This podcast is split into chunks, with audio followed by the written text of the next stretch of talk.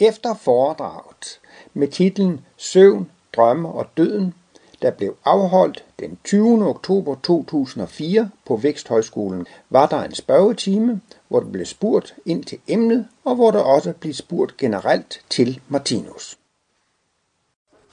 Ja, jeg vil høre, om der var nogle spørgsmål. Ja, der er et spørgsmål her. Ja, jeg skal lige høre, øh, modtager spørgsmål om Martinus generelt? Eller Ja, det kan meget gerne. Ja, det er fordi det her med, jeg har hørt det nogle gange, øh, alt er levende. Øh, og det tror jeg sådan set også, det er, men jeg har lidt svært ved at få det på plads. Hvis for eksempel man tager jorden, siger, at den er levende. Ikke? Når jeg ser noget levende, så er det altså noget, der trækker vejret, noget, der Ja. har organer, noget, der går Ja. på toilettet, var næsten Ja. ja. sige. Og det gør jorden jo nok ikke. Altså, hvordan er jorden så levende? Er det, er det en bevidsthed, kun man snakker om, Ja. eller hvad? Ja, der bliver altså spurgt om, hvordan, øh, jeg skal nok komme tilbage til dig senere, der bliver spurgt om, hvordan øh, man nu kan se på, at jordkloden skulle være et levende væsen. Men altså, man kan godt være levende i hvert fald, selvom man ikke lige nødvendigvis har to arme og to ben. Øh, men øh, hvis nu man spørger biologerne om jordkloden er et levende væsen, så har de jo en lang række sammenligninger og analogier. Martinus har jo også analogier. Man kan spørge sig selv for eksempel, øh, jorden ånder, ånder jorden. Jamen, vi indånder jo ilt og udånder koldioxid, ikke? Jamen, jamen altså, så kan man faktisk sige, at alle grønne planter, det er jordklodens lunger. Og man bruger jo næsten også udtrykket med regnskoven, at det, det er jordklodens lunger, fordi at øh, der, der, der er sådan en anden vej, så, så, så, så i fotosyntesen bruger man koldioxid, ikke? Sådan, så bliver det bundet, og så bliver der skabt ilt, og man er også bekymret for, at man hugger regnskovene ned, fordi at det på en måde er jordklodens lunger, ikke sandt? Man kan også sige, at øh, jordkloden har jo også, at vandet har et kredsløb. Det kan man sige, det kan måske svare til, til blodets kredsløb, ikke? Og det er meget sjovt, vores saltkoncentration i blodet, det er meget konstant. Vores lægemstemperatur, den er meget konstant. Ikke? Det, det er et tegn på liv, at man kan holde øh, lægemsvæskerne i konstant koncentration og i konstant temperatur. Ikke? Det har man også set med jordkloden. Det er helt fabelagtigt, altså, at den har holdt samme temperatur i 2 milliarder år. Man regner med, at saltkoncentrationen i haven er også øh, helt konstant. Og, jamen, altså, hvis man studerer økologi, så har man også et økosystem. Så ser man nogle gange næsten et økosystem af et levende væsen. Man kan finde ud af, hvis man gør et indgreb i et økosystem, så reagerer økosystemet sådan på det indgreb. Laver man et andet indgreb, så laver økosystemet et, et andet svar.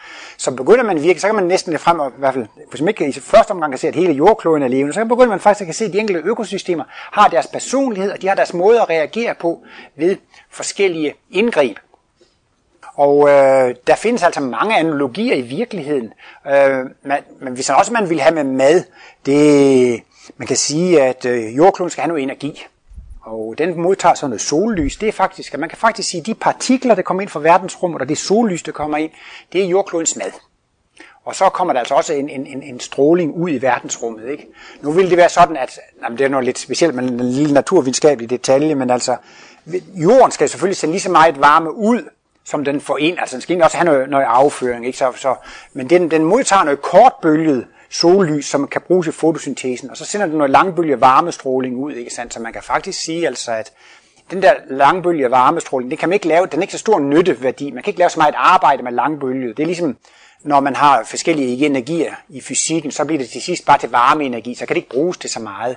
Så på den måde kan man også, man kan, ligesom vi skal have mad og, og leve på maden, og vi får god mad ind, og så sender vi nu med dårlig kvalitet som afføring, så er, så er højfrekvens sollys dens mad, og, og langbølgestråling, det er dens afføring. Og, og hvis man bliver ved og ved, så vil man efterhånden kunne se, jeg tror, at biologerne har en 17-18 kriterier for et levende væsen, og der er faktisk kun ét, som ikke kan opfyldes for jordkloden, af alle de kriterier, man stiller op, og det er den seksuelle formering.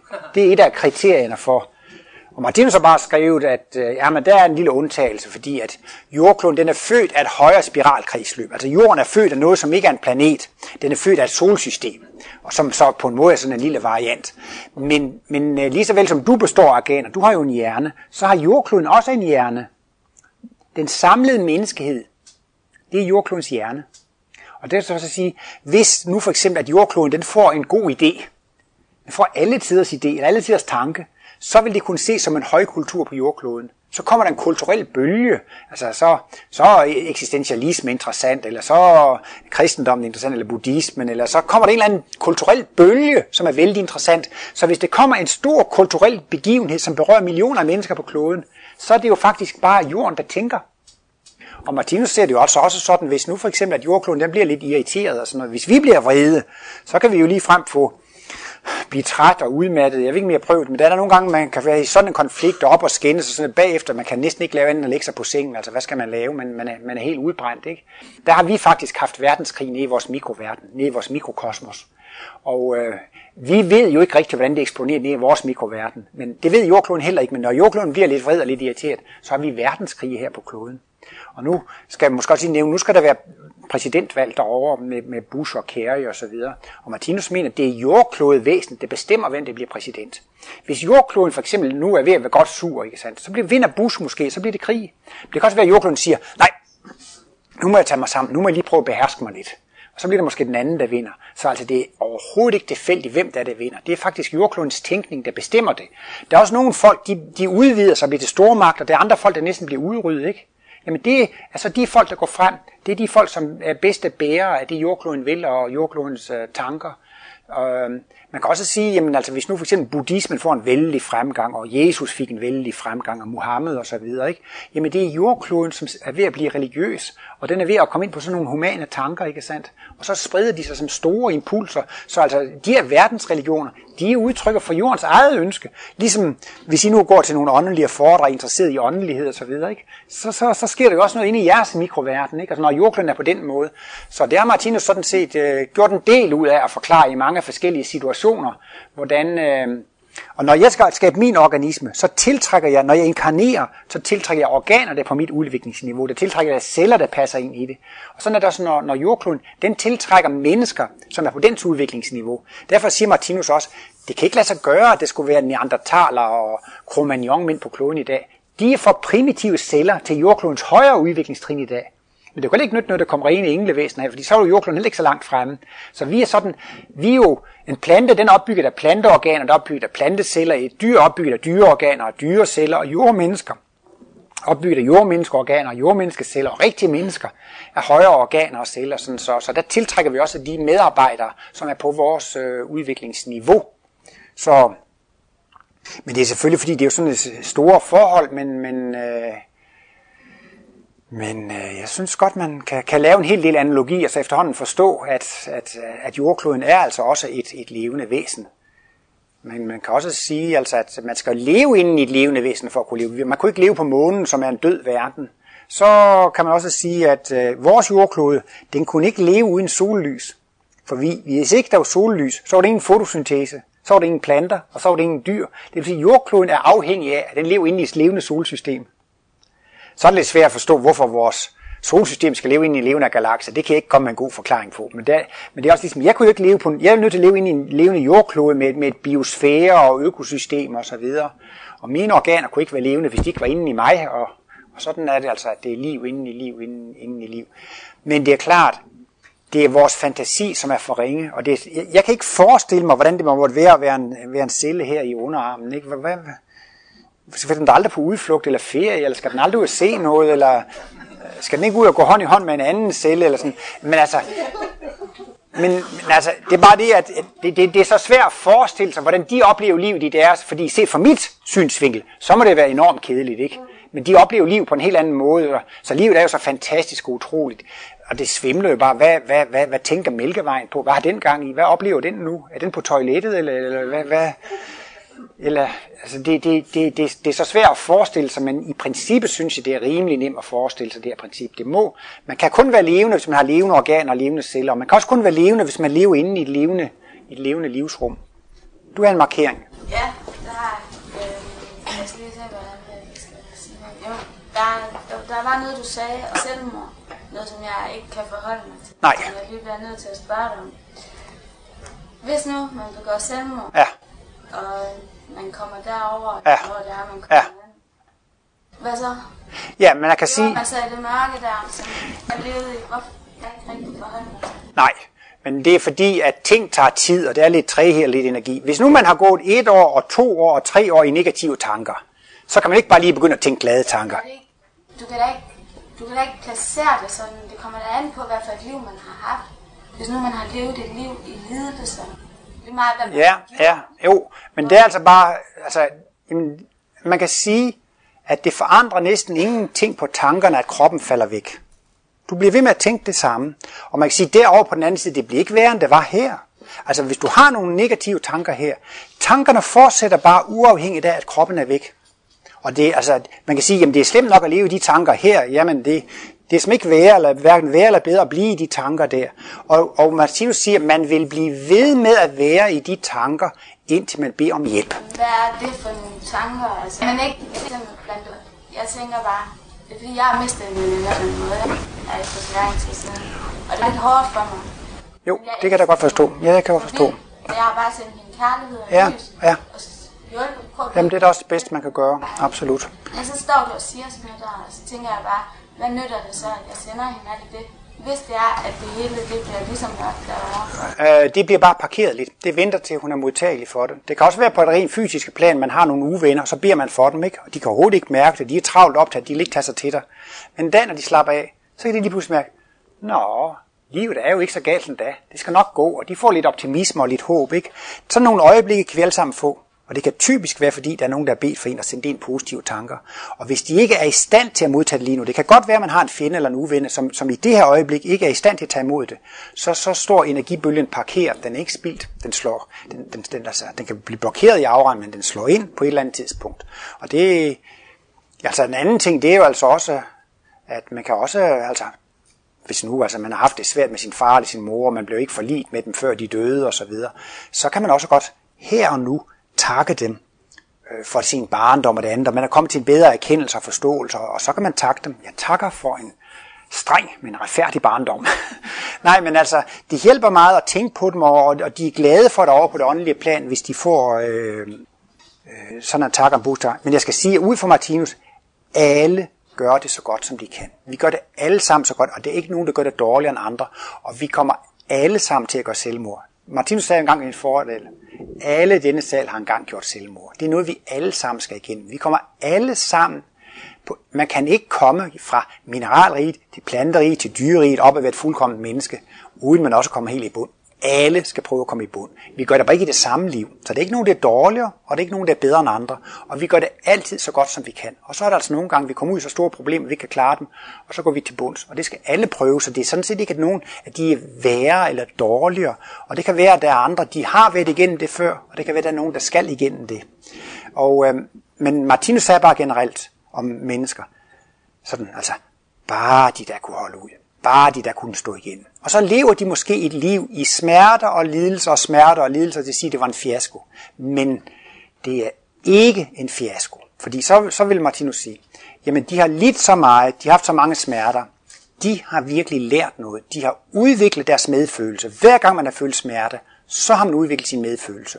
Hver gang man har lidt, så har man udviklet sin medlidenhed. Og det vil sige, hvis man har haft et liv med masser af smerter, masser af lidelse, så vil man selv sige, at det er en fiasko. Men set med de kosmiske øjne, så er det virkelig noget, man har lært af. Og Martinus siger, at det er en forceret udvikling, det er en hurtig udvikling af medlidenhedsevnen og medfølelsesevnen, fordi så kan man sætte sig i, hvordan de andre har det, når man selv har prøvet det på sin egen krop. Så kan man ikke huske det i næste liv, men så er det indbygget som en del af personligheden. Man har sådan en medfølelse med mennesker med de og de problemer. Man kan sådan føle sig ind på det. Der er nogle mennesker, man forstår ikke, hvad deres problem er, og så er der andre mennesker, man kan i den grad tune sig ind på dem, og man kan rigtig føle deres problemer. Og hvor kommer den evne til det? Det er da selvfølgelig, fordi man selv har oplevet det. Og det skal slet ikke være nogen kritik eller noget nedsættende af, vi gør det alle sammen så godt, som vi kan. Og jeg skal også lige sige i den forbindelse, jeg synes også, det er så positivt. Gud er fuldstændig tilfreds med os alle sammen. Gud er totalt frisk med alle. Det er ikke en kritik af, at nogen som helst... Man kan ikke bruge de erfaringer, man ikke har gjort endnu. Vi er ufuldkommende mennesker. Der er en lang række erfaringer, vi ikke har gjort endnu. Så kan vi jo ikke bruge dem endnu. Og vi skal alle sammen gøre, gøre, gøre gør fejl. Det er det her engelske med trial and error. Man lærer ved at gøre øh, forsøg og fejltagelser. Så, hvordan har man lært kemi? Det er da bare at prøve. Hvis man ikke ved, hvordan to stoffer reagerer med hinanden, hvordan finder man ud af det? Det er da bare at hælde dem sammen. Så nogle gange så eksploderer det. Men hvis man overlever, så kan man skrive det eksplosivt. Men, men man kunne ikke vide, man kunne ikke vide det, før man vidste det. Man er nødt til at prøve sig frem. Og vores eget liv, det er et kemisk eksperiment. Og nogle gange, så skal vi altså lave sådan nogle eksperimenter. Vi, vi vidste ikke, i det, at, at hun har taget sit eget liv, og jeg forstår det godt, det er bebrejder en, en meter for noget af det overhovedet. Vil det så sige, at så har jeg begået selvmord i et tidligere liv? Det måtte man da håbe. Det måtte man da håbe på. Jamen altså, det, jamen, det, det, ud fra det, jeg siger, hvis du har sådan en stærk medfølelse for det, så er det noget, der tyder på, at det har du gjort. Du har været igennem det samme, fordi du føler sig, du, du kan sætte dig ind i en situation. Hvor får du den evne fra? Den mest nærliggende forklaring, det er, der, det er fordi du selv har oplevet det. Hvordan, det er da en god forklaring på, at man kan sætte sig ind i det, fordi man har oplevet det. Noget, man ikke har oplevet, hvordan skal man sætte sig ind i det? Det gør jeg. Jeg tænker simpelthen lidt over det nu, fordi jeg har fået sådan lidt større forståelse af ting. Og jeg kan da godt se logikken i nogle af ting, og sammenhængen i nogle af ting. Men der er nogle af de ting, som jeg tænker bare, nå, Ja. Men man kan sige, for at blive det samme, så skal vi igennem det samme. For alle sammen at blive kærlige kristusvæsener, så skal vi igennem det samme. Vi skal alle sammen igennem den samme mængde lidelse. Så er der nogen, de får meget lidelse i et liv, og nogen får næsten ingenting, og nogen de slipper helt let igennem. Men for at blive det samme, skal man igennem den samme mængde lidelse. Der er ingen, der slipper nemmere om ved det end andre. Vi skal igennem problemerne. Og så er det så det, Martinus anfører med selvmord, ikke? at det er, at man har nogle problemer, og så, så vil man ikke gøre det færdigt, så stopper man ikke. Men, men så vil betyder det bare, at næste gang man bliver født, så kommer man ind i de samme problemer igen. Fordi man skal lære at løse de her problemer. Og så er der næsten altså, selvom man havde, hvad vil man sige, et helt fiasko-liv, eller, men altså bare man der kunne holde ud, og det var, det, men altså, hvis man så lever liv til ende, og man synes, det har været bare smerter og lidelser, ja, men så er der overstået. Så er der overstået. Og så har man virkelig fået, jo, jamen, jo mere smerter du har, det lyder bare, du, det, jeg synes, det kan jeg slet ikke forholde mig. Men det, er- altså, der er også nogen, der siger, at Martinus kosmologi det er en meget, meget ubekvem teori. Der er nogen frem, ligefrem siger, at det er verdens mest ubekvemme teori. Og teorien den består i, som jeg er inde på nu, at for at få medfølelse med lidenhed, så må man føle og, og lide smerte. Men det er trods alt den familien omstændighed, at vi skal alle igen den samme mængde smerte og lidelse for at, udlykke, for at udvikle den samme medlidenhed og medfølelse. Og så det andet, som også er meget ubekvemt, det er, at du er selv årsag til alle dine problemer. Det er alt sammen skæbner og karma. Og det kan jeg godt forstå, der er mange, de gider ikke have med det at gøre. Der var en gang, jeg var nede i Tyskland, hvor der var en indisk pige. Hun, hun var så interesseret i Martinus til at begynde med. Og så siger hun, nej, nu vil jeg ikke være med. Nu tager jeg tilbage til min meditationsgruppe i Køln, og nu vil jeg meditere, og så bliver jeg fuldkommen på den måde. Jeg vil ikke igennem alt det lidelse der. Jeg vil, ikke- jeg vil, ikke, have, jeg vil ikke høre snak om alt det lidelse der. Og specielt heller ikke det, at og jo større problemerne er, så bryder man sig jo slet ikke om den teori, at man selv er årsag til problemerne. Så det kræver jo alligevel faktisk en, en, en vis modenhed at, at, at, at, at, at kunne gå ind for det her med, at, øh, at man selv er årsag til alle problemer. Og det er jo klart, jo værre det bliver. Der var en gang, jeg var i USA øh, og besøgte en dansk amerikaner. Han havde en ven, og han havde lige fået en ny kone. Hun havde været gift med en psykopat, som havde banket hende gul og blå og taget hendes penge og truet hende på alt muligt. Til sidst, så var hun simpelthen nødt til at gå under jorden, skifte identitet, få ny navn, flytte til et nyt sted, og sådan for at være helt fri for den psykopat. Så kom hun ind i en religiøs sekt, som hjalp hende, og hun kom på benene igen og fik det godt. Ikke? Så spurgte hun, hvad det der er Martinus kosmologi, hvad, hvad, hvad handler det om, hvad er det for noget? Da bestemte jeg mig for, hende skal jeg ikke sige noget til. Hende skal jeg ikke sige noget til. Fordi man kan have så store smerter og lidelser, man kan simpelthen ikke bære det. At skal jeg selv være skyld i det? Altså, nå, siger, det er noget med karma, du er selv skyldig i, at du har været gift med sådan en mand der, ikke? Det kan man jo slet ikke sige til hende. Men så er det også lidt interessant, at hun er på et udviklingstrin, hvor hun kunne tro blindt.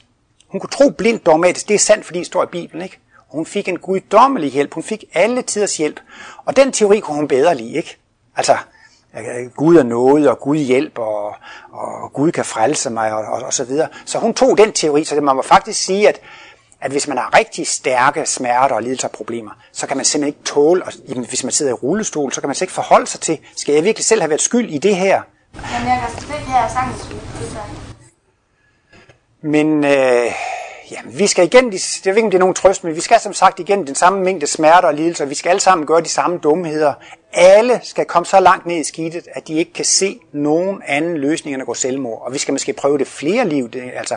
Og det, der, er ikke nogen, der er ikke nogen, der har grund til at bryste sig mere end andre, fordi vi, for at blive det samme, skal vi sådan set i, i, igennem det samme. Men jeg synes da altså, at, øh, at, at du skal endelig blive ved med at bede for hende og sende, sende, sende, sende positive tanker til hende. Og, øh, men altså som sagt, man kan sige, hvis hun havde holdt ud, ikke sandt, så, så har hun haft meget smerte og lidelse, så har hun så sluppet for det. Men, men det, den smerte og lidelse, hun har oplevet nu, det er hun så ude af, ikke? Amola, er det ikke også formidlende omstændigheder? Hvad tænker du specielt på for, i forbindelse med familien omstændigheder? Flere års, der er mange forskellige årsager til selv. Ja, der er mange årsager til det. Nogen kan måske bedømme mildere end. Ja, ja. Men altså, det, det man kan sige, altså, Jeg. Men altså generelt set kan man sige, altså det er egentlig ikke noget at anbefale, fordi man, de problemer, man ikke fik løst, da man gjorde selvmord, dem har man altså ikke fået løst. Og så skal det altså løses på et senere tidspunkt. Men det er også nogle gange, come on man, give me a break, giv mig en pause, jeg vil gerne have udsættelse. Ikke? Og så får de udsættelse for problemerne. Men altså når de ikke er løst nu, så skal de løses senere. Ikke? Kunne man så holde ud med det nu, jamen så er det overstået til næste gang. Men vi skal prøve det alle sammen. Det kan jeg så godt forstå, hun ikke kunne. Det er sådan, at Ja, jamen, hun kan ikke tage mere, men det er det. Altså, jeg må sige, hun kunne ikke gøre det bedre, end hun gjorde det. Hun kunne ikke gøre. Hun gjorde sit allerbedste, og hun kunne ikke gøre det bedre. Det gør vi alle sammen. Fordi der er ikke nogen af os, der er fuldkommende. Vi har kun de erfaringer, evner og anlæg, vi har, og så gør vi det så godt, som vi kan. Og det er også ligesom Martins brug der, ingen gør uret, og ingen kan lide uret. Altså, vi, vi, kan, vi kan ikke gøre det bedre. Det er jo ikke sådan, at, at forsynet til den tiger der, den burde jo have været meget mere højt udviklet. Og det, planten der, det er da et rent skvat, den burde allerede have været en orm eller sådan noget. Jamen, altså forsynet er jo fuldstændig tilfreds med udviklingshastighed, og en, en hund gør det så godt, som en hund kan, og, og en plante gør det så godt, som en plante, og vi gør det alle sammen. Og i virkeligheden, så har alle, vi har jo alle sammen skytsengle, vi har jo alle sammen, og de er jo sådan set Guds repræsentant, ikke? Alle har skytsengle, som vil dem det bedste, og vil hjælpe dem osv., og det er udtryk for Guds kærlighed, altså det, prøver at støtte og hjælpe, men det er altså visse ting, det skal man altså gå igennem, ikke sandt? Man skal igennem en vis mængde smerte og lidelse. Ja, så er der to markeringer her. Harald Silberg, siger han noget om øh, et menneske, som er psykotisk, hvordan det blevet det? Nej, nu bliver der spurgt om, om, øh, om Martin har sagt noget om, hvordan man bliver psykotisk. Han er ikke gået ind i sådanne detaljer, men øh, han peger jo meget på, at man skal passe på med de vaner og tilbøjeligheder, man har. Og det kan jo være, hvis man ikke kan sådan blive helbredt for, for at være psykotisk i et liv, så kan man jo nok også gå ud fra, at det har taget mere end et liv at blive det. Og altså, at man simpelthen har tænkt forkert og været inde i forkerte, forkerte tankemønstre. Øh, og det er altså ved, at man gentager og gentager nogle tanker, som er forkerte. Og til sidst, så, så kører de jo altså næsten på automatpiloten. Altså, i, hvis man bliver født med sukkersyge, eller hvis man bliver født med stofskiftesygdom, eller hvad, eller man bliver født som mongol og så videre, så er det fordi, man har levet forkert. Man har spist forkert, og man har drukket alkohol eller medicin, og man har gjort forkert, forkert, forkert, forkert, forkert. Og man skal gøre det i meget lang tid. Ikke? Og hvis man er psykotisk, jamen, så har man altså gjort et eller andet. Og der, jeg kan ikke sige hvad, men jeg kan i hvert fald sige sådan... Han har skrevet noget om unaturlig træthed, hvor han siger, at det er altså, man har martyrtanker det, det, det er ham, der har ødelagt mit liv, og det er mine forældre, der har ødelagt det, eller det er min øh, ægtefælle osv. Og så siger man, at det er farligt at blive ved med at køre i det samme tankeklima. Og det er så, kan man på en måde kan man sige, sådan ekstrem martyrskab offer. det er, så er man sådan set på en måde i sindssygens foregår, ikke? Fordi så til sidst, så begynder man også at tænke, altså, det er hans skyld, det hører Nå, jamen så er der nok også en, der er kommet gift i de, de der glas der, og så står der nok en mand med en økse uden for døren, og så videre. Altså, altså, det begynder simpelthen at vokse og vokse og vokse, at man ser fjender overalt, ikke sandt? Og hvis man bliver ved og ved og ved med at gentage sådan nogle tanker, ikke sandt? Men det er altså også nogle gange, at, at, at, at altså nu ved jeg, jeg er ikke ekspert i de der ting, men altså det er også sådan visse former for skizofreni og besættelse og sådan noget, ikke? Der er der også, også nogen, der har slået hul ind til den åndelige verden med, med droger, altså, altså, altså de her psykedeliske stoffer og alle de der ting, der kan man altså også godt slå hul ind til den åndelige verden, så jeg vil måske nok mene, at mange af dem i dag, som er skizofrener og besatte, altså sådan, jeg, altså, jeg, jeg kender egentlig ikke rigtig forskel på psykotisk og skizofren og alt sådan noget, men altså udover at man har gentaget en, en forkert tanke, ikke sandt, så kan man altså også hvad skal jeg sige, altså få slået det hul igennem til, til ved at være narkoman. Ikke? Altså det at være narkoman, det, det har altså også noget at gøre med det åndelige. Ikke? Sådan så altså, at man kan meget nemt blive besat, men man er ikke rigtig beskyttet i sin aura og i, i sig selv. Så, så udover at man kan have forskellige tankeklimaer, så kan man også godt have taget narkotiske stoffer osv., som, som så måske i kombination gør, at, at, at det bliver helt galt. Som sagt, vi skal prøve vi har lov til at ødelægge et univers med alkohol og narkotiske stoffer. Vi har lov til at ødelægge det hele. Og så får vi lov til at opleve konsekvenserne af, hvad det er at ødelægge det. Og man får smerte på vejen nedad, men, og det er også smertefuldt at komme på benene igen. Men al den smerte og lidelse, den giver så meget medfølelse og medlidenhed, så alt i alt, så har man udviklet sig meget. Og en ting, man er blevet vaccineret imod at ødelægge univers. Men hvordan skal man vide, at man ikke skal ødelægge univers, uden at have prøvet det?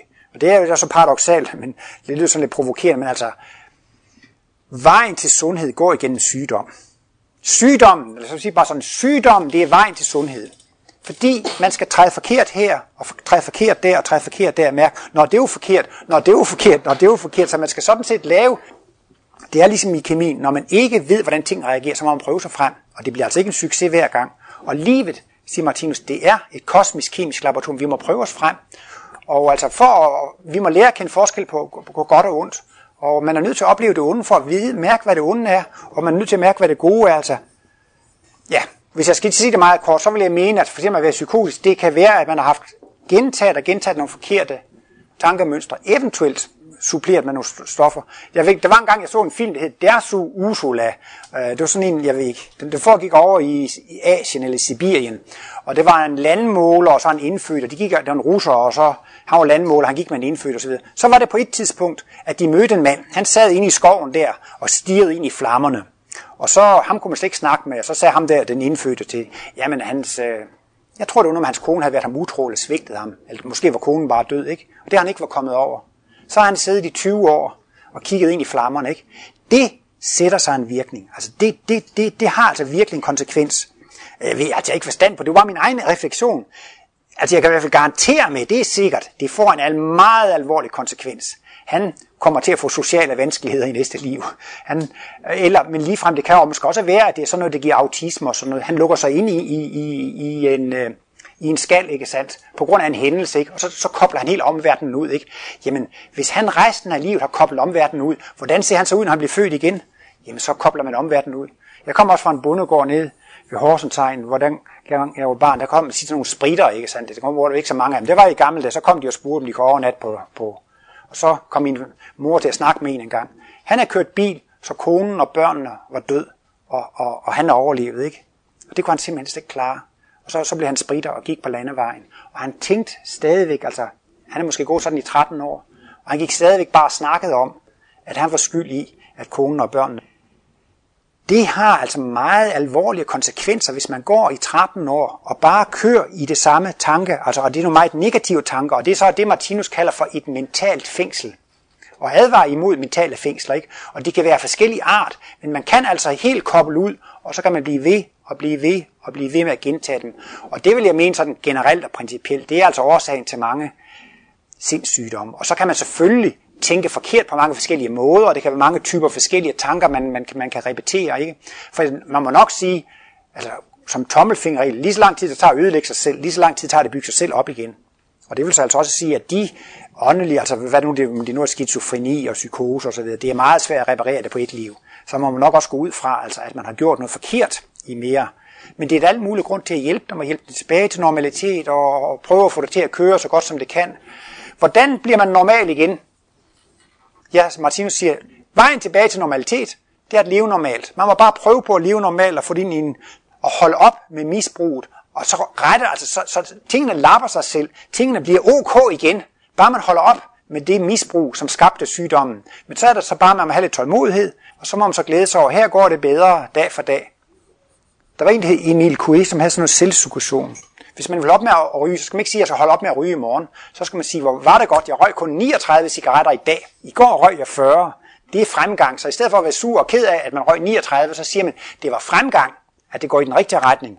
Og det er jo så ligesom hans holdning, at det, det galt om at få ind, det er, at jeg er i den rigtige retning. Men så ikke for meget, der, der skete. Og i sådan nogle tilfælde der, så må man jo bare glæde sig over, hvis man kan leve normalt i et stykke tid uden de store misbrug, jamen så er det ved at rette sig op. Så, så retter det sig op af sig selv. Der var en her, der markerede. Ja, jeg havde øh, noget, jeg gerne vil spørge om med selvmord. Nu siger du så, at øh, altså nogle af hendes veninder, vi ved jo faktisk ikke, hvordan hun er død, vel? Nej. Hun kan jo godt være død i en lykkerus, simpelthen. Der er jo folk, der har det meget, meget dårligt, og så for det øjeblik, de beslutter sig for, den dag der, der gør jeg et eller andet, så jeg er sikker på, at jeg kommer væk herfra. Så kan hun jo godt have haft en uge eller sådan noget, hvor hun har været utrolig ovenpå og lykkelig. Altså så fortsætter den der mellemtiden, som du sagde. Hvordan skulle man blive lykkelig? Altså ved stoffer, eller, eller bare ved sådan noget? Nej, simpelthen uh, mentalt Okay, okay, man beslutter Ja. sig for. Mm. Ja. Det er der nogen, og det samme har du også, øh, altså jeg tænker på med sådan nogle, øh, hvad hedder det, jihadkrigere og sådan. De er jo også utrolig optændt og lykkelige Ja. i det øjeblik, at de slår andre ihjel, ikke? Ja, men de får sådan en overraskelse. Ja, de ja, får sådan. så fortsætter det vel. Hvis det passer det der med, at den måde, som du dør, den tanke, du har der, det fortsætter. Vil du så ikke fortsætte utrolig lykkelig, selvom du har slået nogen ihjel, selvom du selv... Altså i det hele taget, så må man sige, at det er en meget, det er en meget ubehagelig oplevelse at dø ung. Og, og komme ud af det, uh, komme ud af det meget pludseligt. Det er en meget ubehagelig oplevelse, og uh, man vil i den grad ære sig over det. Sådan man kan forstå på beretningen, altså folk der er derovre, de ærger sig i den grad over, at de har gjort selvmord, og de, de er trådt ud af det. Men altså, det er jo også... Men de kan ikke lære noget. Så hvis det er sådan, at de dør, du sagde, at de ikke kunne lære noget, når der er sådan, de dør, så lærer vi ikke noget i, i den... nej, altså i de højere åndelige verdener, altså det jeg sådan var inde på, det er klart, at i det omfang, man får en lidelse, så kan man lære af det, og det var også noget jordbundet. Men, men det, der er nogen, der mener, det er, når man kommer op i de højere åndelige verdener, så, så lærer man en masse og udvikler sig meget, og så sætter man sin lid til, at man udvikler sig meget i de åndelige verdener, så behøver man ikke at gøre så meget her på det, på det, på det fysiske plan. Men for eksempel sådan en, sådan en selvmordsbomber, ikke sandt? Jeg kan godt love dig for, at de er bange for nytårsaften i næste liv. Altså det, de, de får et kæmpe chok ved at blive blæst væk. De aner ikke, hvad der er sket, og det er altså virkelig noget, de vil komme til at gentage og gentage og gentage på det åndelige plan. De fatter overhovedet ikke næsten, hvad der var, der skete, og lige pludselig med sådan et brag. Der er jo folk, som simpelthen ikke kan tåle at se ned. Det er helt sikkert, de er faldet ned og slået sig ihjel en gang. Altså der, der, der er folk, de er blevet skudt på en åben plads, de, de tør ikke gå ud på en åben plads. Altså der er folk, de tør ikke sove i, i mørke. De er engang blevet myrdet i mørke og så videre. Altså det, det, det, det, det er altså, når, når, de, når de kommer dage på den der måde, det kan godt være, de tror, jeg skal for lige sige, at jeg læste i Metro Express, jeg læste jo de her gratisaviser, at de der, var det noget med 20 ud af 30 af de der øh, gisseltager i Bislande derovre i Rusland, de var narkomaner. De var narkomaner. Så jeg tror altså heller ikke, de har været så særlig lykkelige, altså at øh, altså, de får ikke nogen særlig behagelig oplevelse af det. Men altså, Men hvis du mentalt set simpelthen er blevet påvirket til, at du har gået i en eller anden selvmordsskole, lært at din lykke, det er den dag, hvor du får lov til at slå en hel masse ihjel ved at gøre, så er du jo sådan set i en meget lykkelig tilstand. Jo. Og hvis ikke du lærer noget, jamen, så vil du så i, i al den tid, du så er død rundt og være jublende lykkelig over, at man har slået en hel masse. Jamen, det holder ikke så lang tid, det der. Det holder ikke lang tid. Det nytter ikke noget at tisse i bukserne for at få varme. Det varmer lidt i begyndelsen, men så er det altså bare til gene. Og selvom de var så glade ved at gøre det der selvmord, det kan være, at de lige kan være lidt glade over det i starten, men det holder altså ikke ret længe. Og det er jo så naturstridigt og, og, og så forfærdeligt, at blive kommet over i, i den alder og, og på forkert måde. Altså i det hele taget, når man sådan kommer over, det er et stort chok eller et stort traume at komme over på den måde. Ja, er der lidt øh, selvmodsigende i det, du siger med... Øh, det håber jeg sandelig ikke. Ja, ja, ja, opklart. Øh, I det der, at, man, at vi alle sammen skal prøve at tage vores eget liv. Og så at Martinus siger, at det er bedst, vi venter. Hvorfor kan vi ikke bare lige så godt få det overstået? det forstod jeg ikke. Jamen, så tror jeg, jeg skal begrunde det ud fra noget, jeg vil kalde for, eller som Martinus kalder for åndelig dogenskab. Hvor mange gange skal vi gøre en dumhed, før vi holder op med det?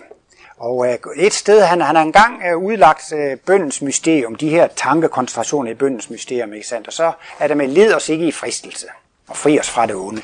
Der, der kan man også diskutere den bøn, led os ikke i fristelse, men det han ligger i det, det er, at man beder om åndelig kraft og styrke til at overvinde en do- åndelig dogenskab.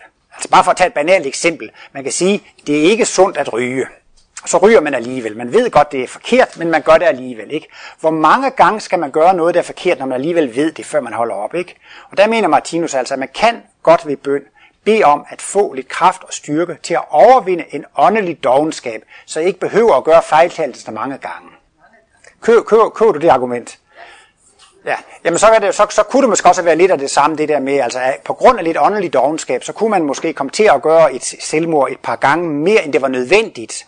Fordi hvis man havde, hvis man havde brugt sin bøn og taget sig lidt sammen og så videre, ikke? eller det der med, man gør, man, der er noget, man ved egentlig godt, det er forkert, men man er bare i en dårlig vane, og så fortsætter man med at gøre det forkert, selvom man ved, det er forkert. Og der siger Martinus, man kan få hjælp ved bøn ved at sige, led mig ikke i fristelser, så kan man tænke på, giv mig kraft og styrke til at anvende den forstand og de erfaringer, jeg har, så jeg ikke behøver. Og det er, jeg tror, jeg kan ikke lide, det er næsten også det samme, som siger, fri os fra det onde. Fri os fra det onde og led os ikke i fristelse. Simpelthen, at man må få kraft og styrke og energi til at mobilisere ens viden og så videre. Men det er jo det, der er så svært med nogle vaner. Ja, men altså, vi kommer jo, vi kommer jo, at man, man måske også skal prøve at være pårørende til Det kan man sige. Det kan man sige. Alting giver jo skæbner og karma, ikke sandt? Og man kan sige, ud over de gener, man påfører sig selv ved at gøre selvmord, så gør man nogen kæde i ens omgivelse. Og det er så klart, at det kan jo være nogen, som har gjort selvmord før, som bliver pårørende, ikke? Fordi så får de selv den virkning tilbage, ikke? Så det er klart, det virker også lidt ud. Det er også lidt skæbne, man gør andre kede af det, ved det, ikke? Så kan man også selv risikere at blive ked af det en gang, fordi at man er pårørende til en, der gør selvmord. Kan man ikke også stille sig til rådighed for et wake-up call? fordi jeg mener, at nogle væsener stiller sig til rådighed, inden de inkarnerer, at de vil, at de vil gennemgå den smerte, at for eksempel begå selvmord, eller drukne som et ung barn eller et ungt menneske, øh, eller komme ud for et trafikuheld, fordi at det er det, der skal til i forhold til den sjælegruppe, de er i, at få åbne øjne hos nogle af deres nærmeste. Ja, jeg må sige, at jeg kan være lidt skeptisk til det. Og grunden til det er, at jeg har lagt mærke til, at der er meget i New Age bevægelsen, som prøver på at bortforklare, hvorfor man får lidelser. Og det var det, jeg sagde før. Det er så ubehagelig en teori. Det er altså, at man har meget svært ved at acceptere, at man selv er til den smerte, man får. Øh, så er der Martinus forklarer, Jesus, han blev korsfæstet, fordi han ville være et godt eksempel. Man kan sige, normalt får man kun smerte og lidelse, fordi man kan lære noget af det, fordi man skal udvikle sig. Det var det, har jeg også været inde på i et andet foredrag heroppe. Man kan ikke få smerte og lidelser i områder, hvor man allerede er udviklet. Der, hvor man er udviklet, der kan man ikke få smerte og lidelse. Det vil være absurd. Men der er der områder, hvor man ikke er færdigudviklet, der kan man få smerte og lidelse. Det vil sige, der er altid en mening med, at man får smerte og lidelse. Det er fordi, man skal udvikle sin medfølelse med en lidenhed inden for det specielle område, hvor man får en smerte og en lidelse. Og det du er inde på, det er vigtigt, at man kan se en mening i livet, og man kan se en mening med alting. Og det kan man altså være sikker på, hvis man får smerte eller lidelse inden på et eller andet område, så er det fordi, man skal lære noget af det, og man kan lære noget af det, der er en mening med det. Men så siger Martinus, der er en undtagelse for verdens frelser eller verdens kendløsere. Jesus var allerede fuldkommen. Han behøvede ikke mere smerte og lidelse for at komme videre i sin udvikling. Han behøvede ikke smerten og lidelsen. Men han påtog sig den smerte for at vise os, vi skal blive fuldkommende mennesker. Jamen, hvad vil det sige at være fuldkommende mennesker? Hvordan ser de ud? Hvordan handler de? Hvordan gør de? Det var ifølge Martinus kernen i Jesus mission. Han skulle vise, hvordan man handlede fuldkommen. Selvom man blev pint og tortureret en hel dag, så kunne man tilgive dem og bede for dem, og det, han er været en lysende ledestjerne. Og så er det, du kommer så min spydighed, nu kommer der selvfølgelig en masse frækhed, eller hvad hedder, protester, men det er det, at jeg synes selv, og nu er der altså meget bredt, jeg ved ikke hvem, jeg, jeg snuser bare lidt til det, men der er flere ting inden for New Age, som går på, at folk vil se den smerte, de får, som om de er kristusvæsener. Det vil altså sige, at de kommer her uskyldigt for at spille kristusvæsener. Og så påtager de sig en masse smerte, fordi jeg er jo ikke selv årsag til det, men jeg kommer her for at ofre mig og for at hjælpe. Og så siger man måske, jamen jeg er en af de gode barn, jeg er fra stjernerne af, men nu er jeg kommet ned på den her lave planet, og det er derfor, jeg har så meget smerte og lidelse. Og jeg tager det, den her smerte og lidelse på mig, fordi at jeg skal ofre mig for andre, ikke sandt? Og det vil faktisk sige, at så tror man selv, at man er et kristusvæsen, at man er kommet herned for at, for at frelse mennesker, og så skal man altid prøve at bortforklare, hvorfor man får den smerte og lidelse. Det er fordi, jeg er et kristusvæsen, faktisk siger de. Fordi jeg er kristusvæsen, så kan jeg påtage mig den her smerter og lidelse. Og så er det meget rart at have sådan et selvbillede. Jeg har smerter og lidelse, fordi jeg offrer mig for menneskeheden ligesom Kristus. Jeg får ikke smerter, fordi jeg er primitiv og uudviklet, fordi jeg har brug for den her smerte og lidelse. Men jeg vil altså våge at påstå, at alle samtlige mennesker, som lever på den her klode i dag, de er her, fordi de ikke er kristusvæsener. De er her, fordi de skal lære noget i udviklingen. Og de skal lære noget af deres smerter og deres lidelser. Og det er intet menneske, som får smerte og lidelse her på jorden, uden med det formål at lære noget af det og udvikle deres medfølelse og deres medlidenhed. Sådan ser jeg på det. Jamen det kan godt være, at du allerede lige har svaret med de sidste øh, sætninger, du kom med der, men det er fordi, der var en foredragsholder her på skolen for ikke så lang tid siden. Der kom en meget spændende betragtning. Jeg har ikke hørt det før. Du skulle bare lige høre, om Martinus havde en mening om det. Men det, han siger faktisk, at vi alle sammen er opstigende mester. Øh, alle, der er her på jorden. Så er vi så kommet herned øh, for at hjælpe jordens bevidsthed op i et eller andet niveau, så vi kan komme videre osv. Men han siger, så i bund og grund har vi egentlig ikke noget at lære nogen af os. Øh, eller vi, er, vi kommer selvfølgelig ned og slettet vores hukommelse, men vi har ikke noget at lære. Vi har kun at i, i det, som vi allerede ved. Og som jeg siger, det er første gang, jeg har hørt det, og det er ikke fordi, jeg selv er overbevist overhovedet, men jeg vil bare lige høre Martinus. Ja, altså Martinus, han giver jo en logisk forklaring på smerten og lidelsen.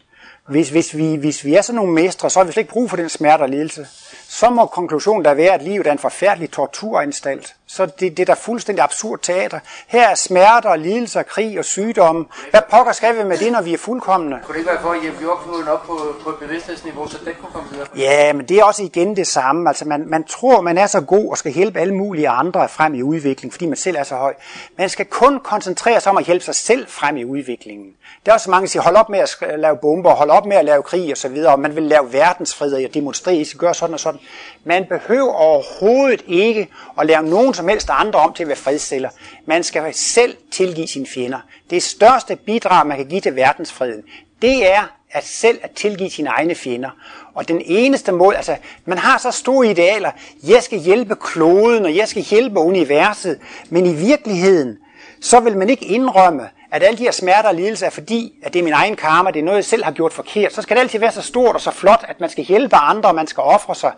Alle mennesker her på kloden, de er for deres egen skyld, og de er fordi, de selv skal udvikles.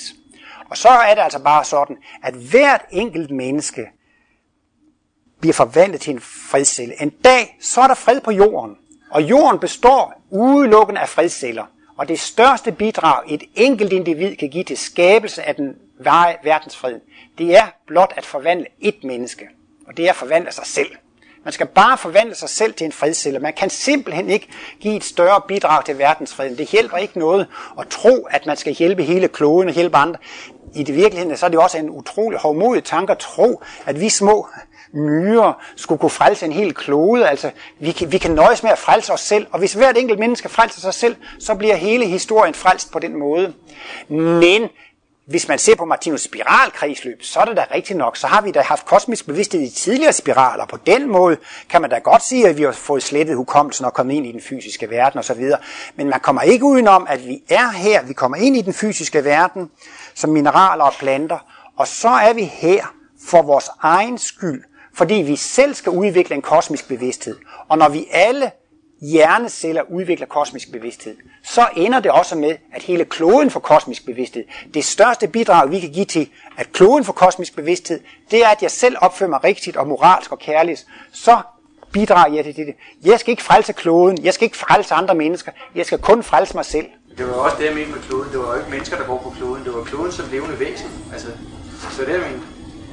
Altså jeg går ud fra, at dens bevidsthed også er vores allesammens bevidsthed på en eller anden måde. Ikke? Jo, det er det, jeg siger. Jordklodens hjerne, det er menneskene. Så det vil sige, at de her 6 milliarder mennesker, der er i dag, så kan man sige, at jordkloden har 6 milliarder hjerneceller. Ja.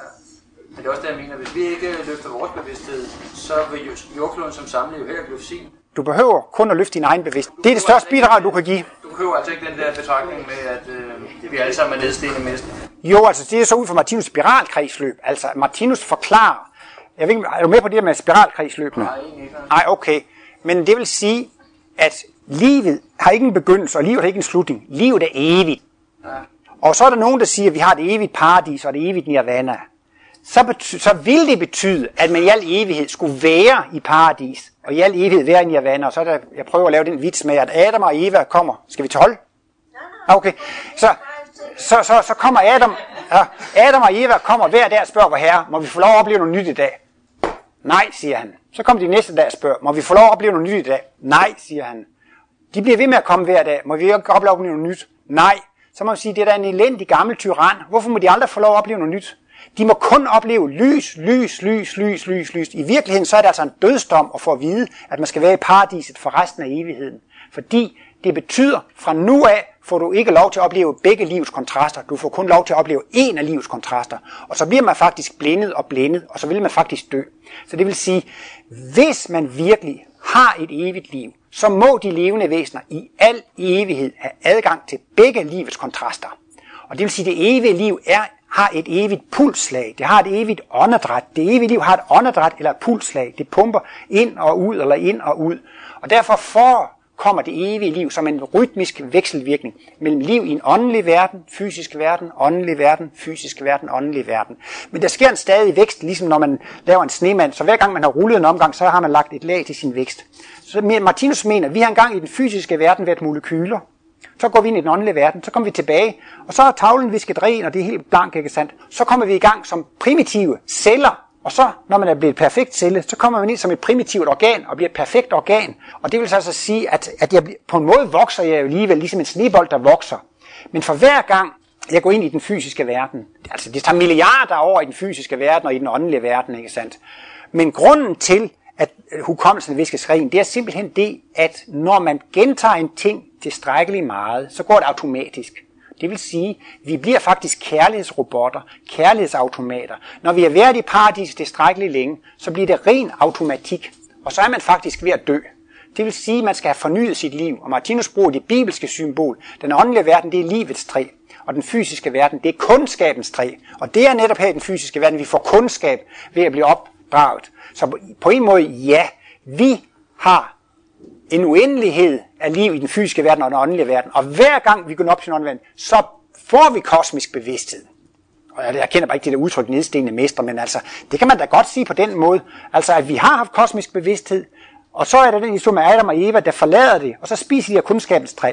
At spise af kundskabens træ er at udvikle bevidsthed i den fysiske verden. Den fysiske verden er kundskabens træ, men meningen med den fysiske verden, det er at forny livsoplevelsen, sådan at man begynder som mineral, så har planter mere bevidsthed, dyr har mere bevidsthed, vi har mere end dyr, og vi skal få endnu mere, vi skal få kosmisk bevidsthed. Så vi er i den fysiske verden for at blive de der mestre igen. Og så bruger man den bevidsthed indtil den er blevet automatisk, og så må den altså genskabes. Så, så på den måde, så kan jeg godt følge det. Så siger Vita noget.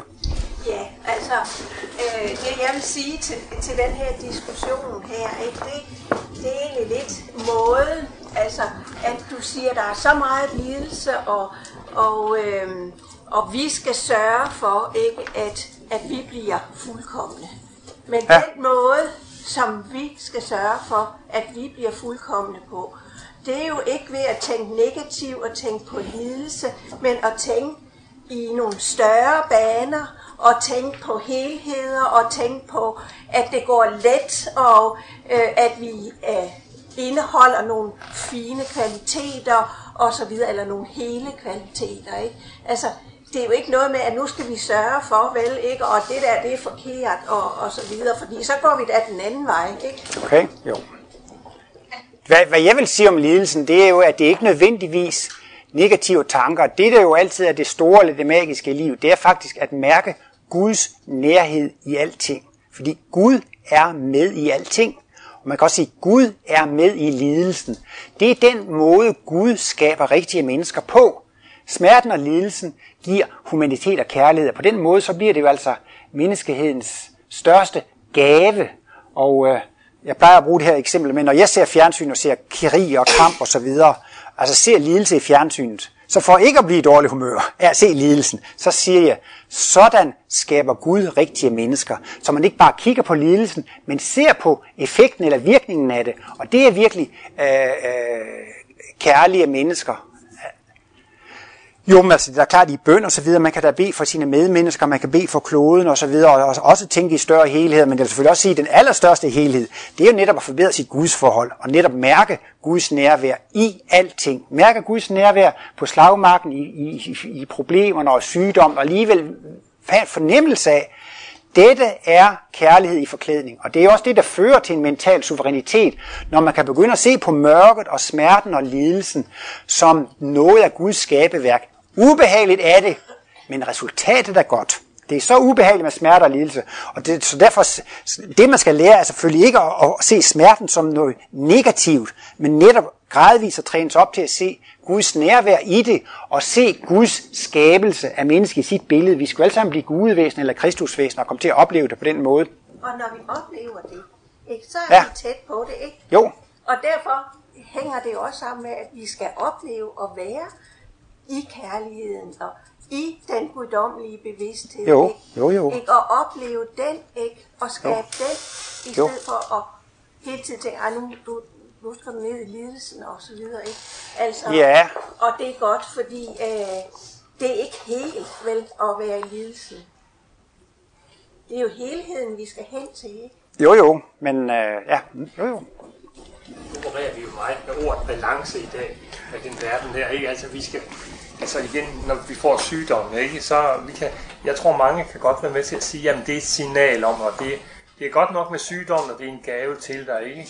Og så stræber man, eller så begynder, så arbejder man mod en balance. Øh, og så, jeg ved ikke, så håber man vel på at undgå lidelsen sådan grad. Det, altså det er noget af det, jeg føler, du siger der. Ja. Det, altså, det bliver så tungt. Jo, det ligesom ja. kirkens Ja, ja. lidenskabsversion. ja, okay. Jeg var Så- i ja, søndag, så ja. jeg hørte nonnerne, de stod og sagde, for min store, store skyld, og for min skyld, Ja, og ja. de pengene i det, det ritual, Ja. min store Ja. skyld. så Hvis, jeg, hvis jeg virkelig sådan skal gå, gå helt ind til benet, eller hvad hedder det, gå, så er det sådan meget grundlæggende, så vil jeg sige, at noget af det mest bemærkelsesværdige i Martinus verdensbillede, eller, eller vil jeg næsten sige det største, eller det mest fantastiske i Martinus verdensbillede, det er, at han kan retfærdiggøre mørket. Han kan forsvare det onde. Og det er altså virkelig, det er virkelig, jeg kan næsten sige, det er kernepunkterne i hele kosmologien, det er at retfærdiggøre smerten, lidelsen og det onde, og vise det har og det kan man kun gøre ved at have et evigt verdensbillede. Og det er det her med, uden kontrast og ingen livsoplevelse, man skal kunne have adgang til, for at være et evigt væsen, som kan opleve liv, skal man have adgang til det. Og der, der synes jeg altså, det er jo da noget for mig at se, at det er det mest positive og det mest værdifulde i Martinus kosmologi, at han har kunnet retfærdiggøre mørket og vise, at det har en mening, det har en funktion. Og den mening og funktion er i allerhøjeste grad velsignelsesrig og kærlig. Og det er jo simpelthen det, at hvis man ikke kan se en mening i livet, så er det, at man går selvmord og bliver syg og går til grunde. Men hvis man kan se en mening i livet, så kan man klare sig, så kan man holde ud. Og nu er det altså simpelthen bare sådan, vi lever i en verden med krig, krise, konflikter, sygdom osv. Og mange går fuldstændig ned med flag, for de kan ikke se nogen som helst mening med det. Så man må faktisk sige, at verden i dag har et enormt behov for at få forklaret, hvorfor er der så meget smerte og lidelse i verden. Og, der, og der vil komme krige og så videre. Og man kan simpelthen sige det, Martinus siger, at folk de vil komme til at råbe og skrige til himlen. Hvorfor, hvorfor, hvorfor denne krig, hvorfor denne ødelæggelse, hvorfor disse bomber, ikke sandt? Og det er virkelig noget, der vil åndeligt gøre folk. Det er noget, der vil få folk til at interessere sig for det åndelige. Det er simpelthen det, at man vil komme til at vil have en forklaring. Hvorfor, hvorfor? Så det vil jeg bare sige, det er faktisk noget af det mest bemærkelsesværdige og det mest fantastiske for Martinus kosmologi, at han har forklaret mørket. Og så er det, han siger, det er ubehageligt, men det er alligevel godt. Og det er også altså simpelthen pointen, pointen i hele Martinus verdensbillede, det er at vise, at alt er så godt. Men det er ikke alting, der er behageligt. Derfor har han så delt oplevelsen i det behageligt gode, og det ubehageligt gode. Men alt er så godt. Og det, kan man have et mere positivt livssyn, end man kan sige, alt er så godt. Det kan man ikke have. Det er umuligt at have et mere positivt livssyn, at sige, at alt er så godt. Men for at sige det, så mangler der lige den der detalje, at man skal forklare, at mørket og lidelsen også er så godt. Og den, den bedrift har Martinus klaret, efter min mening, ved at have et evigt verdensbillede. Du, så markerede du, og så var det en derovre. Nå ja, det er noget med, altså man kan sige, at, at, at hvis man er blevet, blevet sådan øh, åndelig bevidst, ikke, som øh, mange af os, der sidder herinde, vi, vi godt kan måske forstå det der med lidelsen, altså hvor nødvendig, øh, eller at den er en del af livet simpelthen.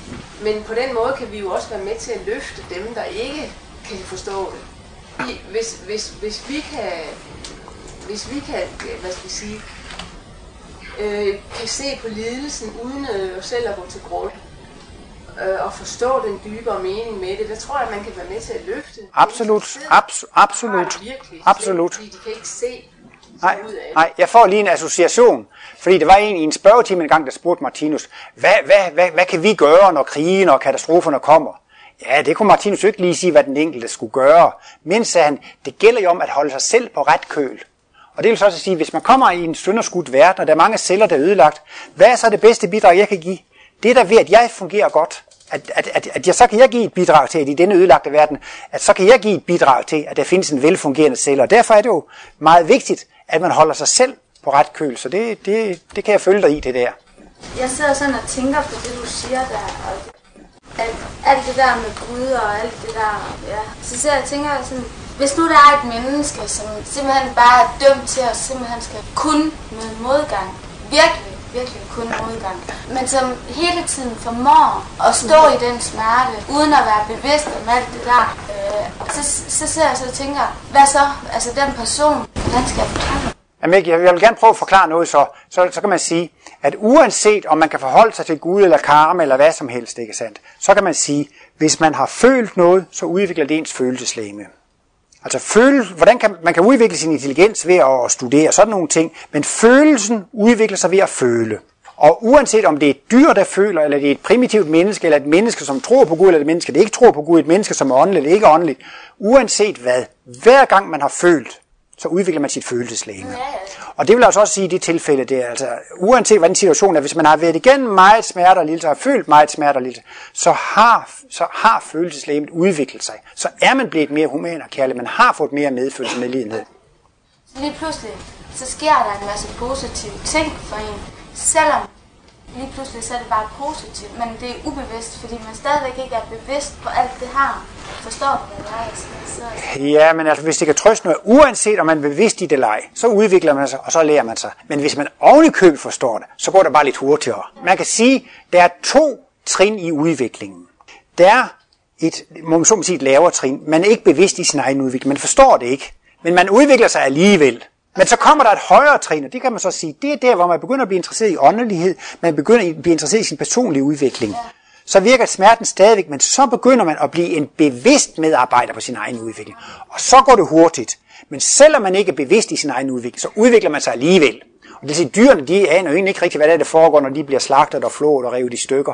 Men selve den følelsesmæssige oplevelse, den sætter sig i deres følelseslæme, og de bliver mere og mere følsomme. Ikke? Så jeg håber, det kan måske klare problemet. Og det siger Martinus, det bliver virkelig et vendepunkt i ens liv, når man siger, jeg vil være en bevidst medarbejder på min egen udvikling frem imod lyset. Og så begynder man at lære, hvordan livet fungerer, og hvad man skal gøre og ikke skal gøre. Og så får det altså meget mere fart på. Og det er også derfor, at, at vi kan være fuldkommende mennesker, som han skitserer allerede om 3000 år. Man kan næsten ikke forstå, at det kan gå så hurtigt. Men det er så fordi, man kan begynde at få undervisning i det åndelige, og man kan begynde at sige, forstå, hvordan det fungerer, og sætte sin vilje ind på, nu vil jeg prøve at lære det. Men det andet er ikke spildt. Det sætter sig altså en virkelig. Det går bare lidt langsommere. Tak for i aften. Tak for interessen.